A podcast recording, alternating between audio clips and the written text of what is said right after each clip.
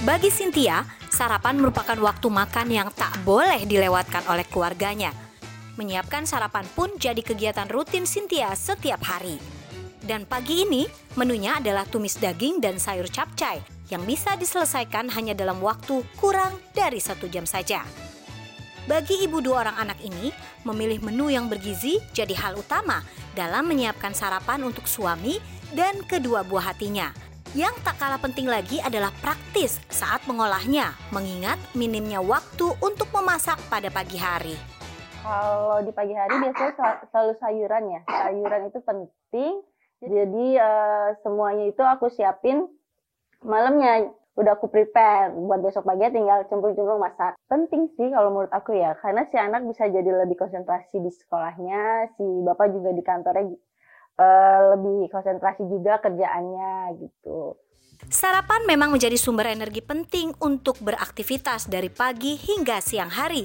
Bahkan beberapa orang yang melewatkan waktu sarapan kerap merasa kurang bersemangat untuk beraktivitas seharian. Meski memberikan banyak manfaat bagi tubuh, ternyata sarapan justru menjadi waktu makan yang sering terabaikan bagi kebanyakan orang. Paling kalau nggak nasi uduk, ya bubur sih. Kalau skip sarapan ya lemes, nggak fokus kerja. Kayak males aja buat kerja. Uh, biasanya nggak sarapan sih mbak. Kalau sarapan biasanya uh, sakit perut biasanya Samuel Utoro, dokter spesialis gizi klinik, bahkan menyebut sarapan selain memberi energi untuk beraktivitas dari pagi hingga siang hari, juga membuat otak berfungsi dengan baik untuk bekerja atau belajar. Yang ideal jam 6 sampai jam 8.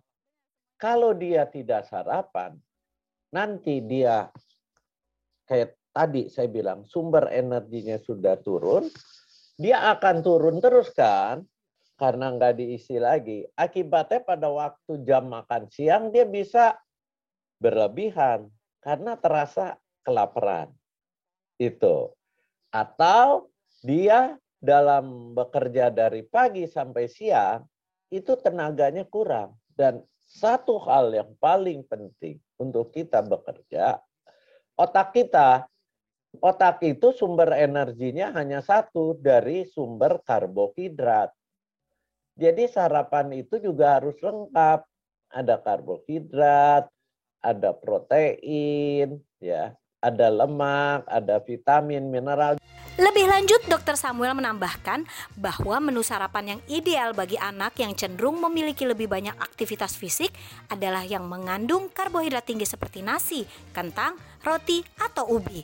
Sebaliknya, bagi orang dewasa justru dianjurkan untuk mengurangi konsumsi karbohidrat pada pagi hari karena akan meningkatkan kadar gula darah secara drastis, di mana kondisi ini berisiko menyebabkan diabetes. Konsumsi makanan berserat saat sarapan adalah pilihan terbaik, terutama bagi orang dewasa, guna membantu penyerapan gula secara perlahan sehingga kenaikan kadar gula darah tetap terkendali.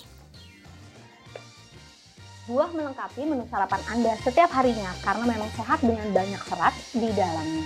Selamat beraktivitas, jangan lupa sarapan. Suwini Tanjung, Windri Hawadis, Jakarta.